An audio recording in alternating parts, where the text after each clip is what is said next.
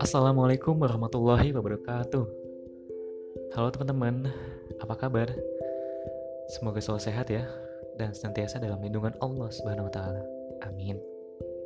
Oke, balik lagi di podcast Jurnal Cerita yang di mana saya kali ini akan membahas tema yang berbeda dari tema-tema sebelumnya yang cukup berat yakni tentang mengapa masih banyak manusia yang tidak mengikuti kebenaran.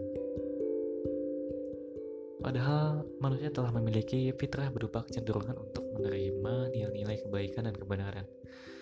Tetapi ternyata kebanyakan manusia tidak mengikuti kebenaran. Ada yang tidak mampu melihat kebenaran, ada yang sengaja menolak kebenaran, dan ada yang malah tidak peduli dengan adanya kebenaran atau tidak adanya kebenaran itu. Nah, hal-hal apa saja yang menyebabkan manusia menjadi seperti itu? Sini saya akan mencoba membedah sebab-sebabnya itu apa aja dan ini akan menjadi beberapa episode ke depannya. Oke, langsung ke sebab pertama, yakni tidak mau berpikir. Ini adalah penyebab terbesar manusia tidak mengikuti kebenaran, tidak mampu melihat kebenaran, atau tidak peduli dengan kebenaran itu. Padahal, kebenaran itu bisa diketahui atau dirasakan jika diselami, direnungkan, dipikirkan, digali, dikaji lebih dalam. Dalam berbagai ayat Al-Quran, Allah juga banyak mengkritik manusia karena tidak mau berpikir. Bahkan kritik tersebut disampaikan dalam berbagai redaksi, di antaranya, Afala tatafakkarun? Apakah kamu tidak berpikir? Afala tazakarun? Apakah kamu tidak mengambil pelajaran? Afala ta'qilun? Apakah kamu tidak menggunakan akalmu? Afala tubshirun? Apakah kamu tidak memperhatikan? Alam taro, apakah kamu tidak melihat? Afala tasma'un, apakah kamu tidak mendengar? Kaifa tahkum, bagaimana caramu memutuskan? Masih banyak ayat dengan redaksi kalimat yang lain, dengan retorika yang lain, dan tidak hanya disebutkan sekali dua kali, namun berkali-kali, yang intinya mengkritik manusia karena tidak mau berpikir. Padahal Allah telah memberikan pemantik yang mudah agar manusia mau berpikir. Allah telah memberi petunjuk, tanda berita, peristiwa, fenomena, dan sebagainya kepada manusia. Allah telah menciptakan begitu banyak ragam makhluk, ragam sifat, ragam keseimbangan sistem, dan sebagainya. Semua itu mengandung sesuatu yang layak untuk direnungkan. Allah juga telah datangkan nabi, mukjizat, kitab, berita goib yang terbukti teguran, bahkan azab berupa musibah dan bencana alam, masalah hidup, hukum alam, dan sebagainya. Semua itu adalah sesuatu yang seharusnya memantik pikiran setiap orang. Jika berbagai hal tadi oleh manusia kemudian direnungkan, dipikirkan, digali, maka Allah akan menambah dan memperkuat tanda-tanda dan petunjuknya. Jika terus bertambah perenungannya, maka Allah juga akan terus menambah petunjuknya sampai akhirnya seseorang akan mampu melihat kebenaran itu. Lalu tinggal orang itu mau menerima dan mengikuti kebenaran itu atau tidak.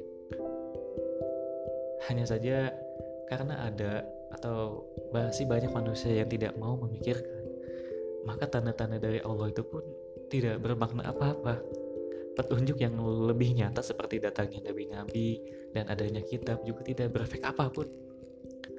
Bahkan, bagi orang yang memang tidak mau memikirkan, maka tanda-tanda dan petunjuk-petunjuk itu hanya membuat semakin membuatnya itu semakin menolak kebenaran.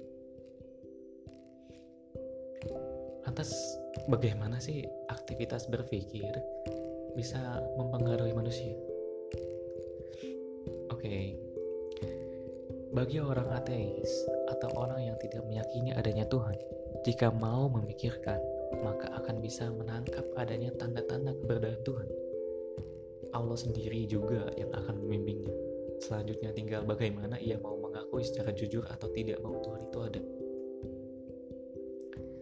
Terus, bagi orang yang sudah mengakui adanya Tuhan, namun belum mengakui bahwa Tuhan itu adalah Allah, jika ia mau memikirkan dan menggali lebih banyak, maka nantinya dia akan menemukan ada ada hal yang kurang pas pada konsep ketuhanan yang diyakininya selama ini. Dari situ akan terjadi proses pencarian. Walaupun akan mengantarkannya mengenal dirinya melalui sistem Islam lewat bermacam-macam cara. Jika ia tetap terus menggali, akhirnya ia akan tetap menyadari kebenaran dalam ajaran Islam. Selanjutnya, tinggal apakah ia mau menerima kebenaran Islam itu atau tidak. Dan bagi orang yang sudah beragama Islam, namun banyak meninggalkan ajaran agamanya, jika ia mau memikirkan lagi, maka ia akan terdorong untuk mempelajari ajaran Islam lebih dalam. Dari situ akan muncul kesadaran dalam dirinya bahwa ia telah berbuat kesalahan, yaitu mengabaikan ajaran agama Tinggal apakah ia mau berusaha memperbaiki kesalahan tersebut atau tidak. Terus bagi orang yang sudah beragama Islam dan sudah berusaha menjalankan ajaran agamanya, jika ia tetap mau terus memikirkan dan terus mempelajari ajaran agamanya, maka hal itu akan meningkatkan kualitas keimanannya, kualitas agamanya, kualitas ketakwaannya, kualitas keikhlasan, keilmuan, rasa syukur, dan sebagainya. Nah, dari paparan tersebut, kita bisa mendapatkan gambaran jika seseorang mau berpikir menggunakan daya pikirnya, maka ia akan mampu melihat kebenaran. Dan jika ia tidak berhenti untuk memikirkan, maka ia akan semakin mampu melihat kebenaran itu lebih dalam dan lebih utuh. Jadi, teman-teman, jika seseorang tidak mau berpikir, merenung, menggali, dan sebagainya, maka ia cenderung tidak akan mampu melihat kebenaran, bahkan sangat jauh dari kebenaran. Kalaupun mampu melihat kebenaran, maka ia tidak akan tergerak untuk menerimanya. Kalaupun tergerak untuk menerimanya, maka ia tidak akan termotivasi untuk menjalankan ajaran agamanya. Itulah salah satu penyebab terbesar manusia tidak menemukan atau mengikuti kebenaran, yaitu karena tidak mau berpikir. Nah itu teman-teman salah satu penyebab masih banyak manusia yang tidak mau mengikuti kebenaran. Selanjutnya kita akan bahas tentang penyebab lainnya. Ini tentang fanatik. Tapi ini akan dibahas di episode selanjutnya. Jadi stay tune terus ya di podcast Jurnal Cerita untuk tahu episode selanjutnya. Oke, terima kasih. Wassalamualaikum warahmatullahi wabarakatuh. thank you